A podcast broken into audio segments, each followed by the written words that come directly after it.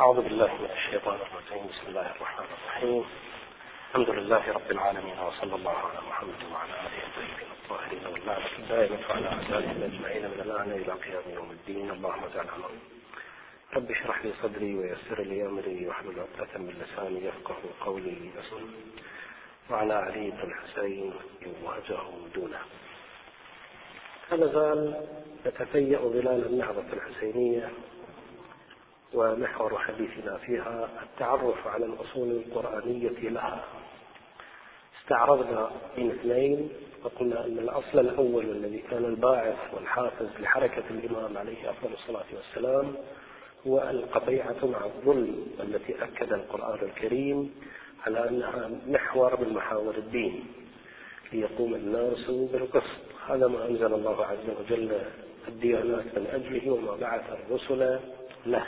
المبدأ الثاني والأصل الثاني الذي تحدثنا عنه هو أن هذا الظلم إنما يتجنبه الإنسان إذا تمحور حول الحق. فإذا كان الحق دافعه ومحركه ومحور حياته حين ذاك سيكون قادرا على أن يبتعد عن الظلم في قوله وفي فعله وفي مشاعره.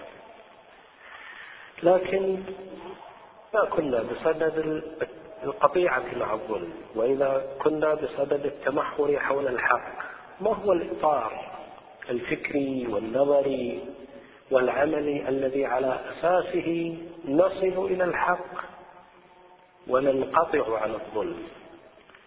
الرغبة في ترك الظلم تكاد تكون عامة إلا في من شذ من الناس. لا يريد أحد أن يظلم لو أتيحت له الفرصة أن يحصل على ما يريد دون أن يظلم إلا من شذ من الناس.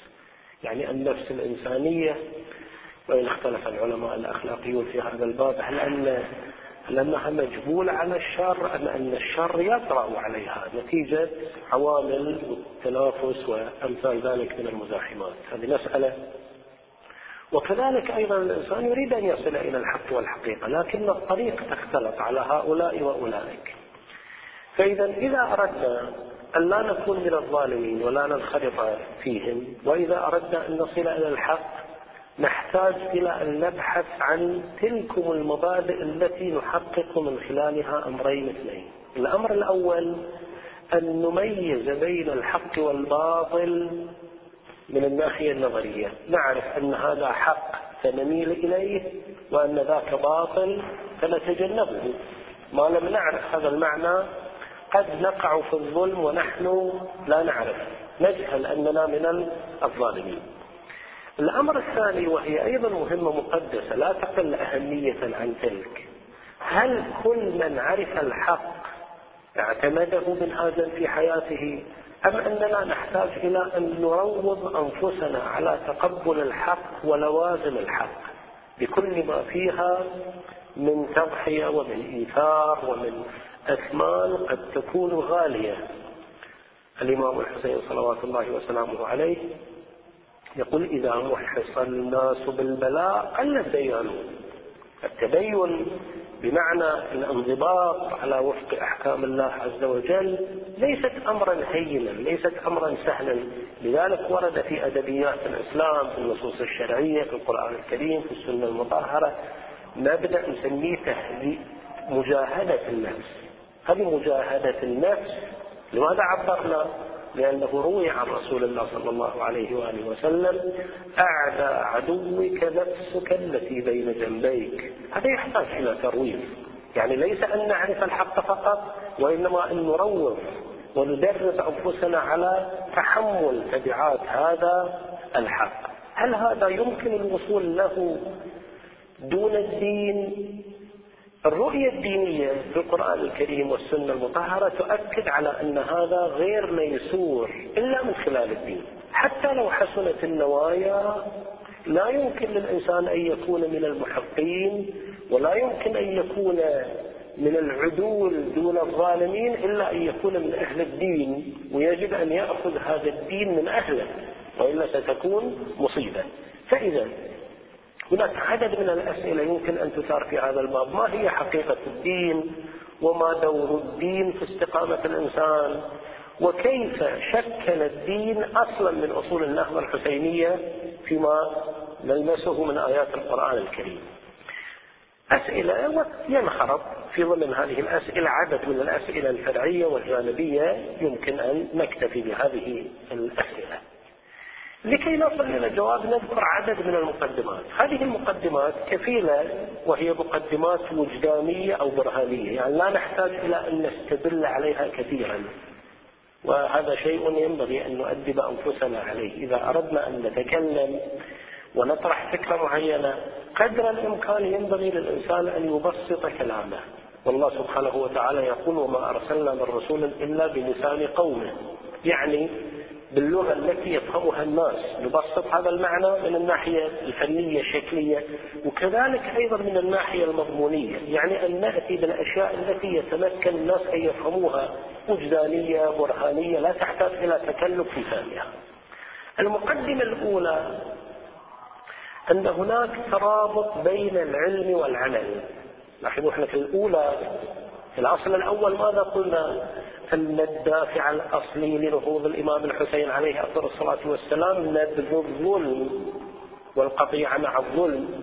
هذا يتطلب سلوكا عمليا يعني عمليا ننبذ الظلم. مو نظريا ننبذه لكننا عمليا نمارسه. هذا لا يعد مبدأ أصليا. يمكن أن يحرك الإنسان إلى درجة الاستشهاد كما حصل لسيد الشهداء عليه أفضل الصلاة والسلام. وكذلك الأصل الثاني محورية الحق لا نريد أن نقر في أنفسنا بأن هذا حق لأن الله عز وجل يقول جحدوا بها واستيقنتها أنفسهم. يعرفون أن هذا هو الحق لكن لم يروضوا أنفسهم على قبولها. فإذا هناك علم يؤدي بنا إلى العمل. لأن هناك علم لا يبلغ هذه الدرجة من الباعثية والدعوية. هنا أذكر عدد من المسلمات ستة. ست مسلمات تقريبا لا يختلف عليها أحد. المسلمة الأولى هي أن الناس جميعا يدركون ويعرفون أن أمرهم يدور بين حالتين اثنتين. يجهلون أشياء ويعرفون أشياء. لا يستطيع أحد من الناس يقول أنا أعرف كل شيء. ولا يستطيع أحد أن يقول أنا لا أعرف شيء. هناك أشياء نعرفها هناك أشياء نجهلها هذه مسلمة من المسلمات. يدرك أيضا في ضمن هذه المسلمة أن ما لا يعرفه أكبر وأكثر من حيث الكم والكيف مما يعرفه. وهذا أيضا لا نستطيع أن يختلف عليه. ولذلك لو ادعى أحد أن معلوماته أكثر من مجهولاته اتهمه العقلاء بأنه من المغرورين. مغرور هذا لا يستطيع. لذلك لا. رؤساء الجامعات الأساتذة المفكرون المبتكرون المبدعون هل يستغني أحدهم عن أن يستشير من حوله من العلماء يقرأ ما كتبه العلماء السابقون واللاحقون؟ لا يستطيع أحد أن يدعي هذه الدعوة. هذه مسلمة فإذا نعرف أشياء ونجهل أشياء وما نجهله أضعاف ما نعرفه. المسلمة الثانية هذه لا خلاف فيها. تصب في صلب ما نريد. نحن نقول في هذا الأصل الدين ومعارف الدين. هل نحن نحتاج للدين؟ هل أن الدين بهذه الأهمية؟ وما هو دوره في تحريك الإمام الحسين صلوات الله وسلامه عليه في هذه النعمة؟ فالمسلمة الأولى أننا نعلم بأشياء ونجهل بأشياء. المسلمة الثانية هي أن هذه الأشياء التي نعيشها مع هذا العالم الموجودات كل الموجودات التي نعرفها والتي نجهلها. بالوجدان ندرك أن بعضها محسوس وبعضها الآخر غير محسوس. لا فرق في ذلك بين ما نعرف وما لا نعرف. يعني في عندنا نوع من المعارف والموجودات موجودات مادية أشرنا بالأمس. هناك أشياء نراها نلمسها نتذوقها نسمعها نبصرها إلى غير ذلك. وهناك أشياء ندرك وجودها لكنها لا تطالها الأيدي البشرية ليست من المسائل المحسوسة. شو نسميه؟ الأول نسميه عالم الشهادة الثاني نسميه عالم الغيب. يعني عالم المادة وما وراء المادة. هذان نوعان. لا يمكن أن نغفل أو ندس التراب ونقول ما عندنا إلا أشياء مشهودة ومحسوسة. لا كل الموجود في هذا العالم ينقسم إلى هذين القسمين. المسلمة الثالثة هي أن قدرة الإنسان على التعرف على موجودات العالم بقسمين محدودة. لذلك تجدون البحوث العلمية والنشاطات العلمية لا تزال إلى يومنا هذا في طور استكشاف موجودات العالم. في كل يوم تطل علينا وسائل الإعلام ومجلات البحوث والكتب بمكتشفات جديدة معطيات جديدة. اليوم تعرفوا على النبات الفلاني العشب الفلاني الحيوان الفلاني الطائر الفلاني. والمشوار طويل جدا. لا يستطيع هؤلاء أن يدعوا أنهم قادرون على أن ولا يستطيعون تحديد أيضا. فترة زمنية يقولون سنصل فيها إلى اكتشاف كل شيء. هذه مسلمة أيضا من المسلمات. والقرآن ماذا يقول في هذا الجانب؟ وما أوتيتم من العلم إلا قليلا. هذا أصل من الأصول. مسلم من المسلمات أيضا وهي المسلمة الرابعة هي أن هذه الموجودات بقسمتها. المشهود وغير المشهود. لأن الله عز وجل يقول عالم الغيب والشهادة. المشهود وغير المشهود. المعلوم من قبلنا وغير المعلوم من قبلنا يؤثر في حياتنا بطريقة أو بأخرى. عرفنا هذا التأثير وشكل هذا التأثير أو لم نعرف هذا التأثير وشكل التأثير. الله سبحانه وتعالى حينما خلق الموجودات وجعل الموجود الفلاني على المسافة الفلانية والموجود الفلاني على المسافة الفلانية. هذه مو اعتباطا القمر في هذا المدار. قرب القمر ابتعاد القمر يؤثر على المد على الجازر المد والجازر ظاهرتان تؤثران على الأسماك والحيوانات البحرية والنباتات تؤثران على حياة الناس.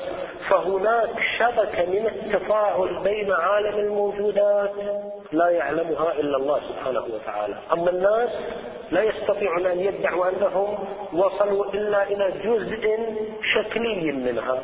الزكام إلى الآن لا يدعي الأطباء أنهم قادرون على معالجة الزكام مع أنها ظاهرة جزئية وبسيطة جدا ومتواضحة جدا قياسا بتعقيد مفردات الوجود. هذه أيضا مسلمة.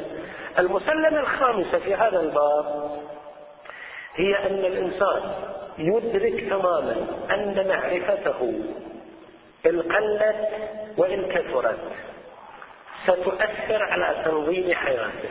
العارف والعالم سيستفيد من هذه المعارف والمعالم والعلوم والجاهل سيتضرر بمعنى أن مكتسبات العالم والعارف في أي جانب من الجوانب ستؤثر على تنظيم حياته. إما في جانبها المادي ستؤثر أو في جانبها المعنوي ستؤثر. الذين يعرفون قوانين معينة يستطيع أن يدخل السوق ويدخل عالم الجامعة والمختبرات ويصل إلى نتائج معينة. وهناك انعكاسات. يعني الدولة ذات القدرة الاقتصادية في الإنتاج في الزراعة والصناعة سيكون هناك انعكاسات على المستوى السياسي. لذلك هذا الصراع السياسي الناشئ في العالم الذي قد يترجم اقتصاديا ويتجلى لنا بشكل اجتماعي أو ثقافي أحيانا لتفاعل الحياة. كلما ازدادت هذه الدولة أو تلك هذا المجتمع أو ذاك هذا الإنسان أو ذاك تسربت إليه معلومة أو وصل هو إلى معلومة سيكون لديه رصيد ليضفي إلى قوته ويضيف إلى قوته قوة أخرى تتسبب له. لذلك القرآن الكريم أيضا يعطينا مبدأ في هذا الباب. قل هل يستوي الذين يعلمون والذين لا يعلمون؟ إنما يتذكر أولو الألباب. فالعلم يؤثر. سواء زادت معلوماتنا في الجانب المادي ستنعكس على تطوير حياتنا المادية. في الجانب المعنوي وفي عالم الغيب أيضا سيؤثر. لذلك قال الذي عنده علم من الكتاب أنا آتيك به قبل أن يرتد إليك طرفك. فإذا عنده علم هذا العلم الذي توصل إليه وزير نبي الله سليمان استطاع أن يجلب عرش سليمان عرش بلقيس من اليمن إلى فلسطين في لمحة بصر. شنو هذا العلم؟ شاهدنا على أن هذا العلم أيا كان العلم له تأثير. فكلما ازداد الإنسان في معرفته وفي علمه كلما تيسرت له سبل ما كانت متاحة لمن كان يجهل. هذه مسلمة أيضا. من المسلمات وهي المسلمة السادسة فيما يرتبط ببحثنا أن هذه الموجودات بقسميها. بالذي نعرفه منها والذي لا نعرفه منها. بما فيها أنت أيها الإنسان ما قررناه في بحث سابق هو أن هذا الكون بكل تفاصيله ومفرداته مملوك أو مخلوق محكوم مملوك. الله سبحانه وتعالى يملكه ويحكمه. زين. وبالتالي يترتب على هذه الملكية على هذه المحكومية على حاكمية الله له مالكية الله عز وجل له. يترتب سلسلة. يجوز لك أن تتصرف ولا لا يجوز لك أن تتصرف؟ إذا كان هذا العالم ملك الله فهو حقه. إذا كان حقه فالتصرف في ملك الله بما لا يأذن فيه الله عز وجل سيكون ظلم. فلاحظوا كيف أن معرفتنا بهذه الحقيقة تجعلنا أبعد عن ممارسة الظلم. لكن لو أننا جهلنا بهذه المعلومة سنقع في ممارسة الظلم. إلا أن نبتلي بمشكلة معينة وهي التي ذكرناها. هي أن الإنسان قد يعلم بالشيء لكن دينه ضعيف التزامه ضعيف ترويض نفسه ليس بالمقدار الذي يجعله يطابق علم عمله مع علمه هذه مقدمة. فإذا العلم يؤدي بالإنسان إلى العمل أو لنقل هناك تفاعل. من العلم إلى العمل. هناك تفاعل وتفاعل وثيق جدا. وبالتالي مطلوب في في ثقافة الإسلام الأصيلة التفقه في الدين، ليش التفقه مطلوب؟ قل هل يستوي الذين يعلمون والذين لا يعلمون؟ الآية الأخرى ماذا تقول؟ إنما يخشى الله من عباده العلماء الذين لا يعرفون الله عز وجل بطبيعة الحال سيخالفونه فالحل ما هو زيادة التعريف بالله زيادة التبصر بالله عز وجل. هذه مسألة هامة جدا وتعتبر بند من بنود الشريعة الإسلامية الأساسية. تفكر ساعة خير من عبادة ستين سنة كما ورد في النصوص. ليش تفكر ساعة؟ لأن التفكر إما أن ينتهي بك إلى معلومة أو تفعل معلومة عطلت نتيجة عدم التفكر فيها وبالتالي تعتبر من أهم العبادات. هذه مقدمة. المقدمة الثانية. التي تصب في إلقاء الضوء على الدين ومعارف الدين وتعاليم الدين التي كانت أصلا من أصول القرآن التي نهض الحسين عليه أفضل الصلاة والسلام من أجلها ومن أجل الاهتمام والمحافظة بها. أن الدين معارف وتعاليم. إحنا قلنا في المقدمه الأولى عندنا أهمية للعلم. لا بد أن نفهم من عرف نفسه فقد عرف ربه. هناك ترابط وثيق جدا بين هذين البندين الدين ما هو؟ الدين هو سلسلة معارف وسلسلة تعاليم.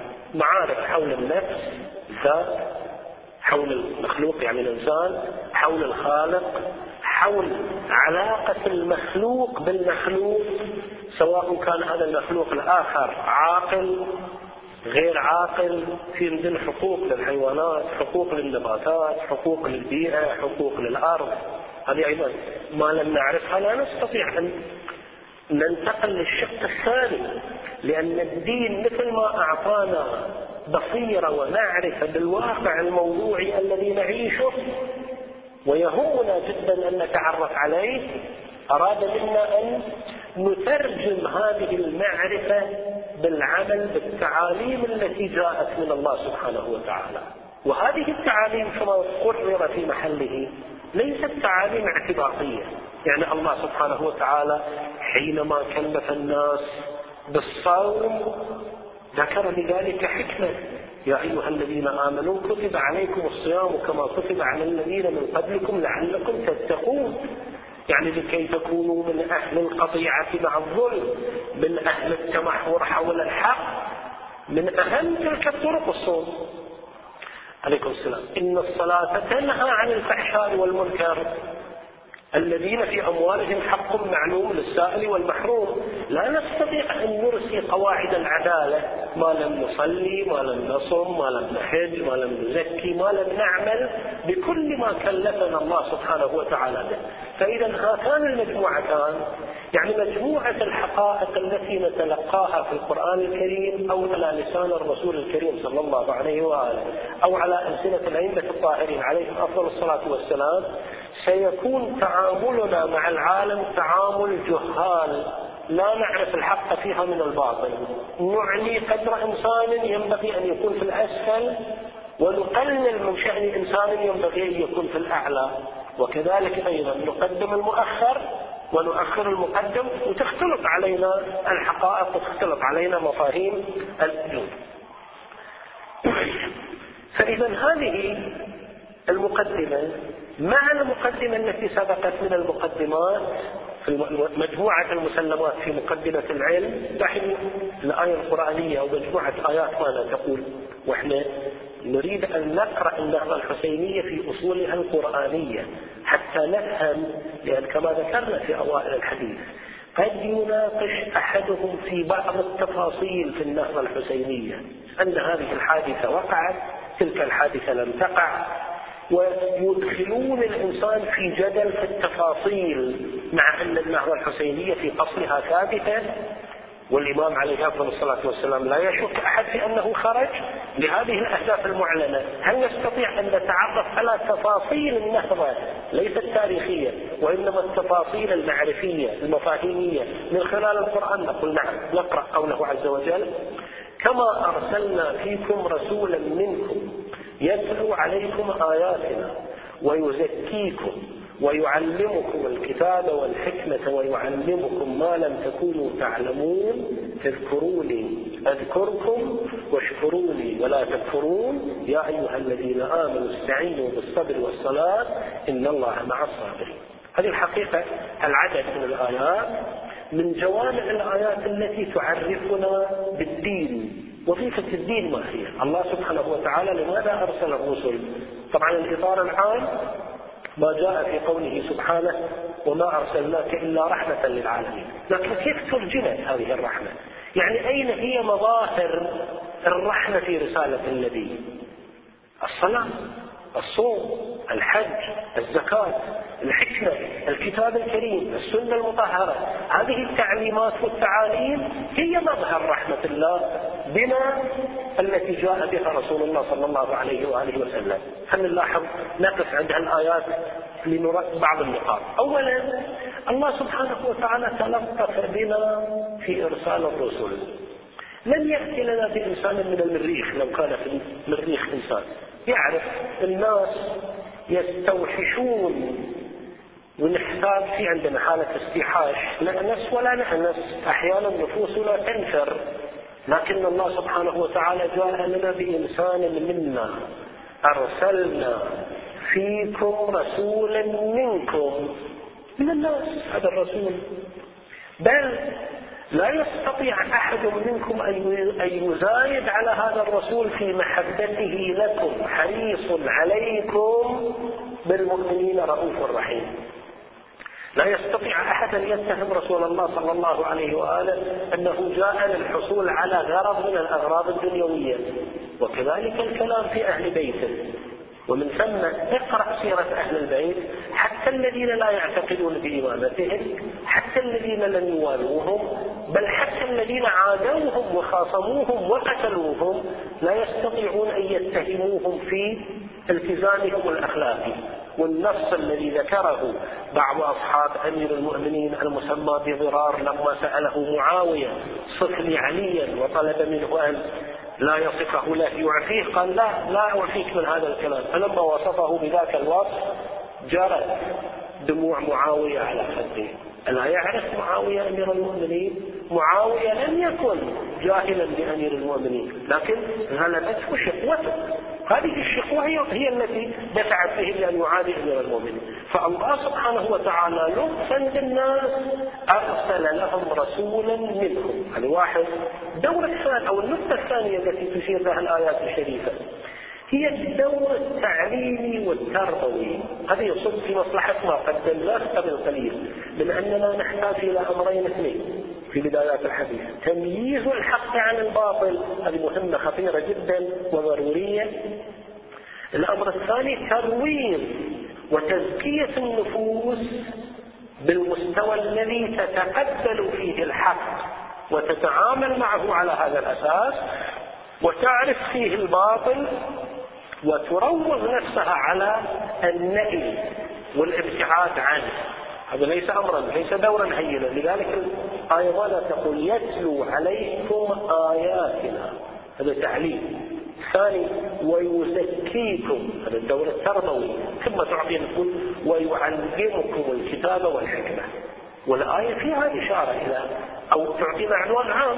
لم تدخل لنا في تفاصيل التعليم. لكن ما من شك أن من أهم الوسائل التربوية والتعليمية التي اعتمدها رسول الله واعتمدها أهل بيته من بعده صلوات الله وسلامه عليهم هو أنهم جسدوا هذه التعاليم.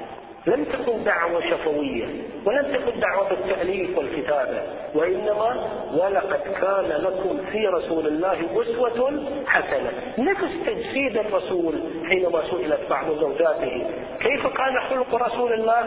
قالت كان خلقه القرآن. إذا أردت ترجمة حية تجسيد حي للقرآن الكريم انظر سلوك رسول الله لأقوال رسول الله لحياة رسول الله صلى الله عليه وآله وسلم.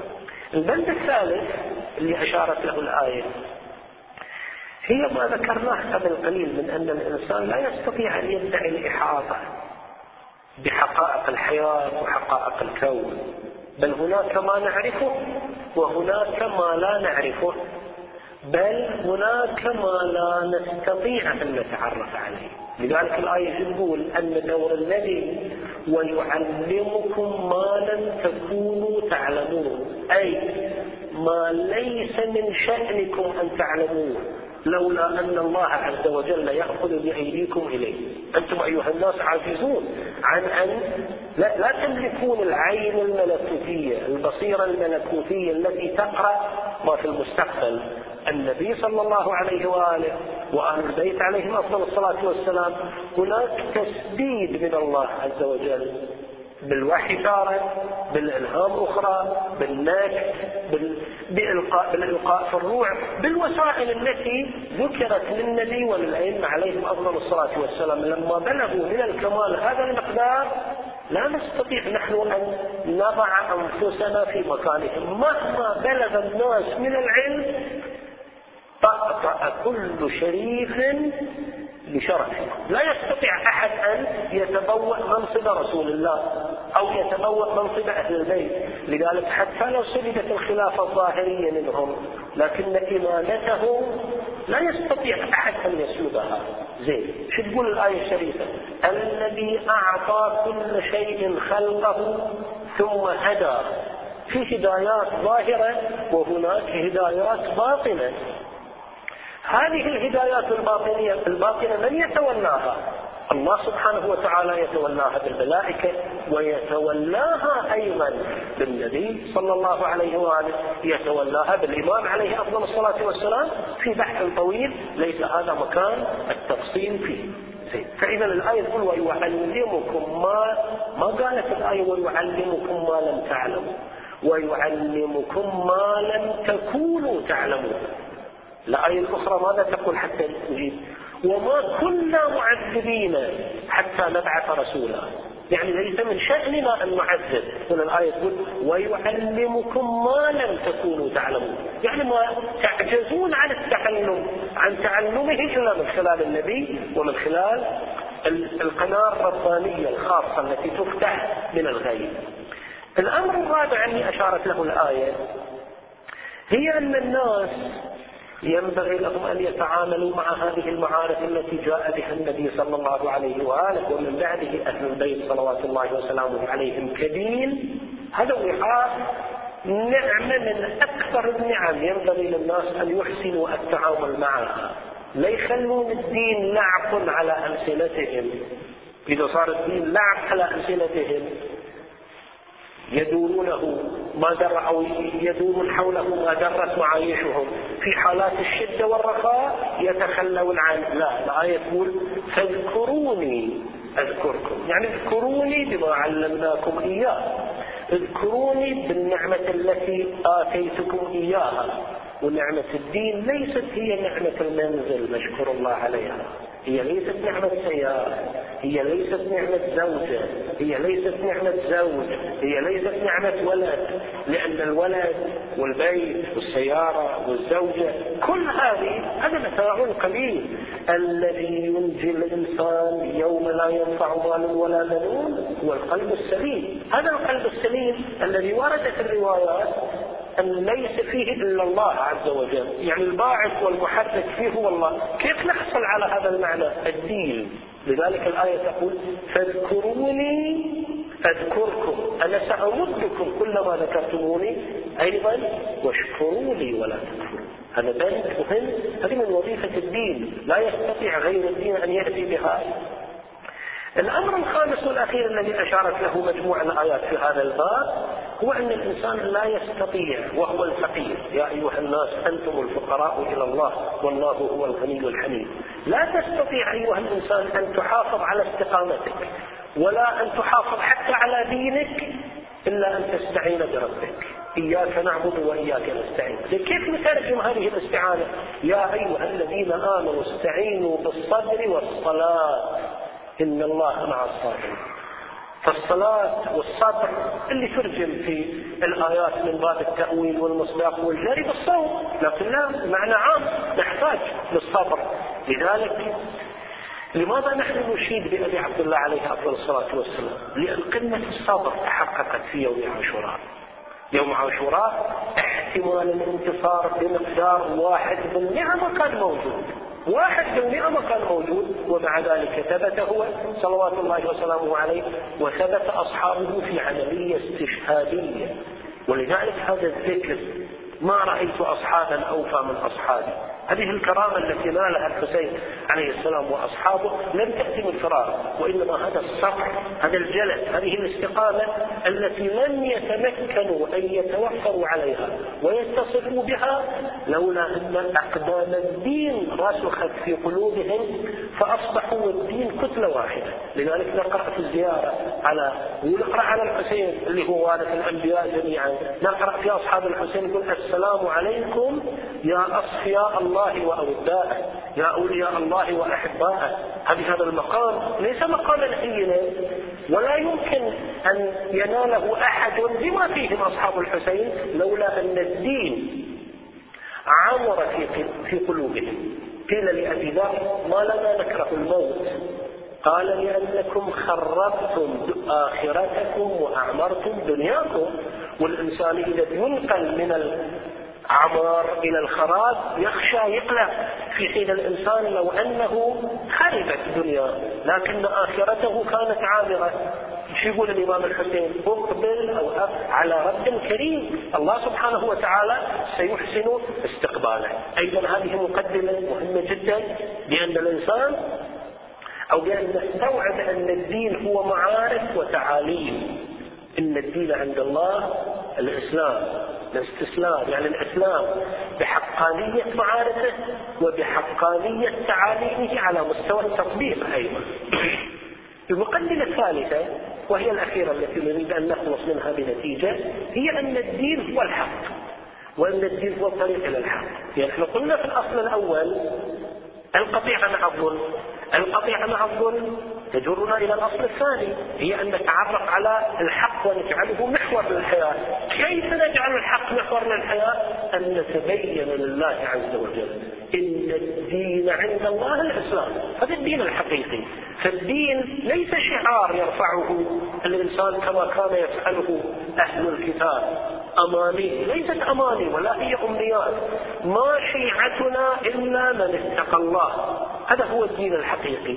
وبمقدار ما يلتزم الإنسان بتعاليم الدين يصبح من أهل الدين يصبح من أهل الحق. طبعا هنا لا نستطيع أن نفرض هذا المعنى على أحد ولا نكرهه أحد. لا إكراه في الدين. الدين شيء ينبع من الداخل. إن الله لا يغير ما بقوم حتى يغيروا ما بأنفسهم. هي تجربة خاصة يعيشها الإنسان. وبالتالي ليش إحنا نهتم بإحياء الشعائر الحسينية؟ لأن حقيقة الشعائر الحسينية لما يحضر فيها الإنسان ويستحضر هذا الشريط التاريخي هذه الحادثة المأساوية بكل ما فيها من دروس العبر والعبرة الإنسان يعيد ويراجع حساباته هل هو فعلا على خط الإمام الحسين عليه أفضل الصلاة والسلام؟ هل دوافع الدين عنده دوافع متأصلة ولا دوافع قشرية؟ يا ليتنا كنا معكم هو صادق في هذا القول أو لا؟ لا إكراه في الدين. قد تبين الرشد من الخير. المسألة واضحة. الحق واضح من خلال الدين. والباطل واضح من خلال الدين. شو المطلوب أن نترجم ذلك. فمن يكفر بالطاغوت ويؤمن بالله. فقد استمسك بالعروة الوثقى لا انفصام لها والله سميع عليم. يعني كل هذا بنظر الله عز وجل. النتيجة التي نخلص من خلال هذه المقدمات التي ذكرناها من العلم إلى العمل الدين معارف وتعاليم أن الدين هو الحق هذه المقدمات الثلاث. المطلوب هو تسييج الدين وترويجه. إذا كان الدين له كل هذه الأهمية هل نستطيع أن نجعل الدين صلعوبة يعبث بها العابثون؟ أليست هي الأمانة؟ هذه أمانة من الله سبحانه وتعالى كلف الأنبياء بتسويقها وترويجها وتسييجها والمحافظة عليها ونشرها بين الناس فإذا امتدت الأيدي العابثة إليها بالتزييف والتحوير واللعب وتزييف وعي الناس ما المطلوب من مثل الإمام الحسين عليه أفضل الصلاة والسلام وقد وقف واقع. بني أمية وسلطة بني أمية ومن مهد لهم لأنهم استحلوا الفيل حللوا الحرام حرموا الحلال تلاعبوا بدين الله عز وجل. كيف ينجو الناس؟ وقد أرسل الله محمدا صلى الله عليه وآله رحمة للعالمين. فإذا حرف الدين لا يمكن للناس أن يصلوا إليه. لذلك كان هناك مهمتان أساسيتان. المهمة الأولى تبيين الدين بطريقة صحيحة. ليهلك من هلك عن بينة ويحيى من حي عن بينة. لئلا يكون للناس على الله حجة بعد الرسل في آية أخرى. زين شو الوسيلة التي اعتمدت؟ هنا وسائل متعددة لكن أذكر منها قول الله عز وجل ادعو إلى سبيل ربك بالحكمة والموعظة الحسنة وجادلهم بالتي هي أحسن. إن ربك هو أعلم بمن ضل عن سبيله وهو أعلم بالمهتدين. هذا جانب. زين ادعو إلى سبيل ربك بالحكمة. هذا متاح لكل أحد أن يدعو إلى سبيل ربه بالحكمة. لا الحقيقة الحكمة الحكمة الكاملة إنما هي عند رسول الله. وبالتالي عند أهل البيت عليهم السلام. ومن عداهم يفترح من هذا البحر إذا كان للإنسان شيء من الحكمة فهو تعلم للعلم علم. الله سبحانه وتعالى يقول يؤتي الحكمة من يشاء. ومن يؤتى الحكمة فقد أوتي خيرا كثيرا. من الذين آتاهم الله عز وجل الحكمة؟ هم الذين وردت الشهادات في حقهم في القرآن الكريم إنما يريد الله ليذهب عنكم الرجس أهل البيت ويطهركم تطهيرا. لذلك لا نستطيع أن نتلقى الدين كما أنزله الله إلا من طاهر. مطهر وأشهد أنك طاهر من طهر إلى غير ذلك في الزيارة التي نقرأها لأننا نريد أن نأخذ الدين الصافي. هذا الدين الصافي لا نجده إلا عند الحسين الذي شهد له رسول الله بقوله المعروف الحسن والحسين إمامان قاما أو قعدا لأنهما يعرفان ماذا كلف الله سبحانه وتعالى إياهما به. هذا جانب لأن الدين قلنا فيما مضى معارف الدين ليست على نسق واحد هناك ما يتيسر للناس أن يعرفوه وهناك ما لا يتيسر للناس أن يعرفوه. زين هذا الجانب المضموني العميق في القرآن الكريم نحصله والقرآن إنه لقرآن كريم في كتاب مكنون لا يمسه إلا المطهرون.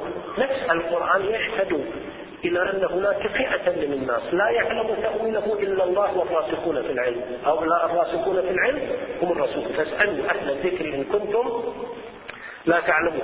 لأن جانب القرآن والدين الحقيقة القرآن هو ترجمان الدين ليس شيئا آخر. هذا المعنى مهم جدا والود نذكرها في هذا الباب. هذا الجانب المهمة الثانية وهي مهمة أساسية. حفظ الدين والأصالة الدينية. حتى من أيدي العبث يعني تبيان الدين للناس وصيانة الدين وحفظ الدين حتى لا يتعرض له. لاحظوا أمير المؤمنين صلوات الله وسلامه عليه ماذا يقول في عهده للأشتر؟ والحسين خريج هذه المدرسة. تلميذ أمير المؤمنين. القضية لم تكن مشكلة يزيد. يزيد هو آخر حلق من حلقات هذا المشروع. يقول عليه السلام فإن هذا الدين يخاطب مالك الأشتر في العهد. فإن هذا الدين كان أثيرا بأيدي الأشرار يعمل فيه بالهوى وتظلم به الدنيا. مو الناس أسرى الدين أسير. الدين يحتاج إلى من يحرره بنص ما يقول أمير المؤمنين صلوات الله وسلامه عليه لذلك كانت تجربة أمير المؤمنين تجربة مرة مرة عليه ومر على الآخرين. يقول ما أبقى لي الحق من صديق. الإمام الحسين نفس الكلام يكرره بهذا المضمون إنا أهل بيت النبوة ومعدن الرسالة بنا فتح الله وبنا ختم أو بنا فتح وبنا ختم. يعني أنتم ما تتعاملوا مع ناس عاديين ناس اصطفاهم الله عز وجل اختصهم الله عز وجل. أهل بيت زقوا العلم زقا هذا بيت خاص. لا ينبغي أن يقاس به أحد. في حين الطرف الآخر ويزيد فاسق فاجر شارب للخمر قاتل النفس المحترمة معلن بالفسوق والفجور وبالتالي لا يضايق مثله. الدين ليس ألعوبة حتى يسقط الإمام الحسين عن مثل هذه الجرائم التي حصلت. فإذا الدين هو هو الذي فيه نجاة أو المؤدي بنا إلى الصراط المستقيم. لذلك جاءت الآية ومن يبتغي غير الإسلام دينا فلن يقبل منه. والدين مراتب والإسلام مراتب. الأمر الثاني هو أن حياة الناس الحياة الحقيقية إنما تحصل من خلال الدين. يا أيها الذين آمنوا استجيبوا لله وللرسول إذا دعاكم لما يحييكم. واعلموا أن الله يحول بين المرء وقلبه وأنه إليه تحشرون. تختم بنص أو بنصين صغيرين. النص الأول العباس عليه أفضل الصلاة والسلام حينما ارتجز ذاك الأندوزة ماذا قال؟ إني أحامي أبدا عن ديني. القضية قضية الدين. الدين معرض في خطر. وليس نعم الدين مثله وجسده الإمام الحسين صلوات الله وسلامه عليه. مسلم بن عقيل حينما أسر صلوات الله وسلامه عليه ووقفوا به بين يدي ابن زياد حاول ابن زياد أن يشوه الثورة الحسينية. جئت تمزق الناس؟ قال لا أظهرتم المنكر ودفنتم المعروف. أظهرتم يعني أبرزتم وغلبتم المنكر. ودفنتم المعروف وتأمرتم على الناس بغير رضا منهم وحملتموهم على غير ما أمركم الله به وعملتم فيهم بأعمال كسرى وقيصر فأتيناهم لنأمر بالمعروف وننهى عن المنكر وندعو إلى حكم الكتاب والسنة وكنا أهل ذلك. فإذا هذا أصل كان منطلقا لحركة الإمام صلوات الله وسلامه عليه جعلنا الله وإياكم من الآخرين بذلك مع إمام منصور من أهل بيته السلام على الحسين وعلى علي بن الحسين وعلى أولاد الحسين وعلى أصحاب الذين وعلى أصحاب الحسين الذين بذلوا أجرهم دون الحسين وصلى الله على محمد وآله الطاهرين.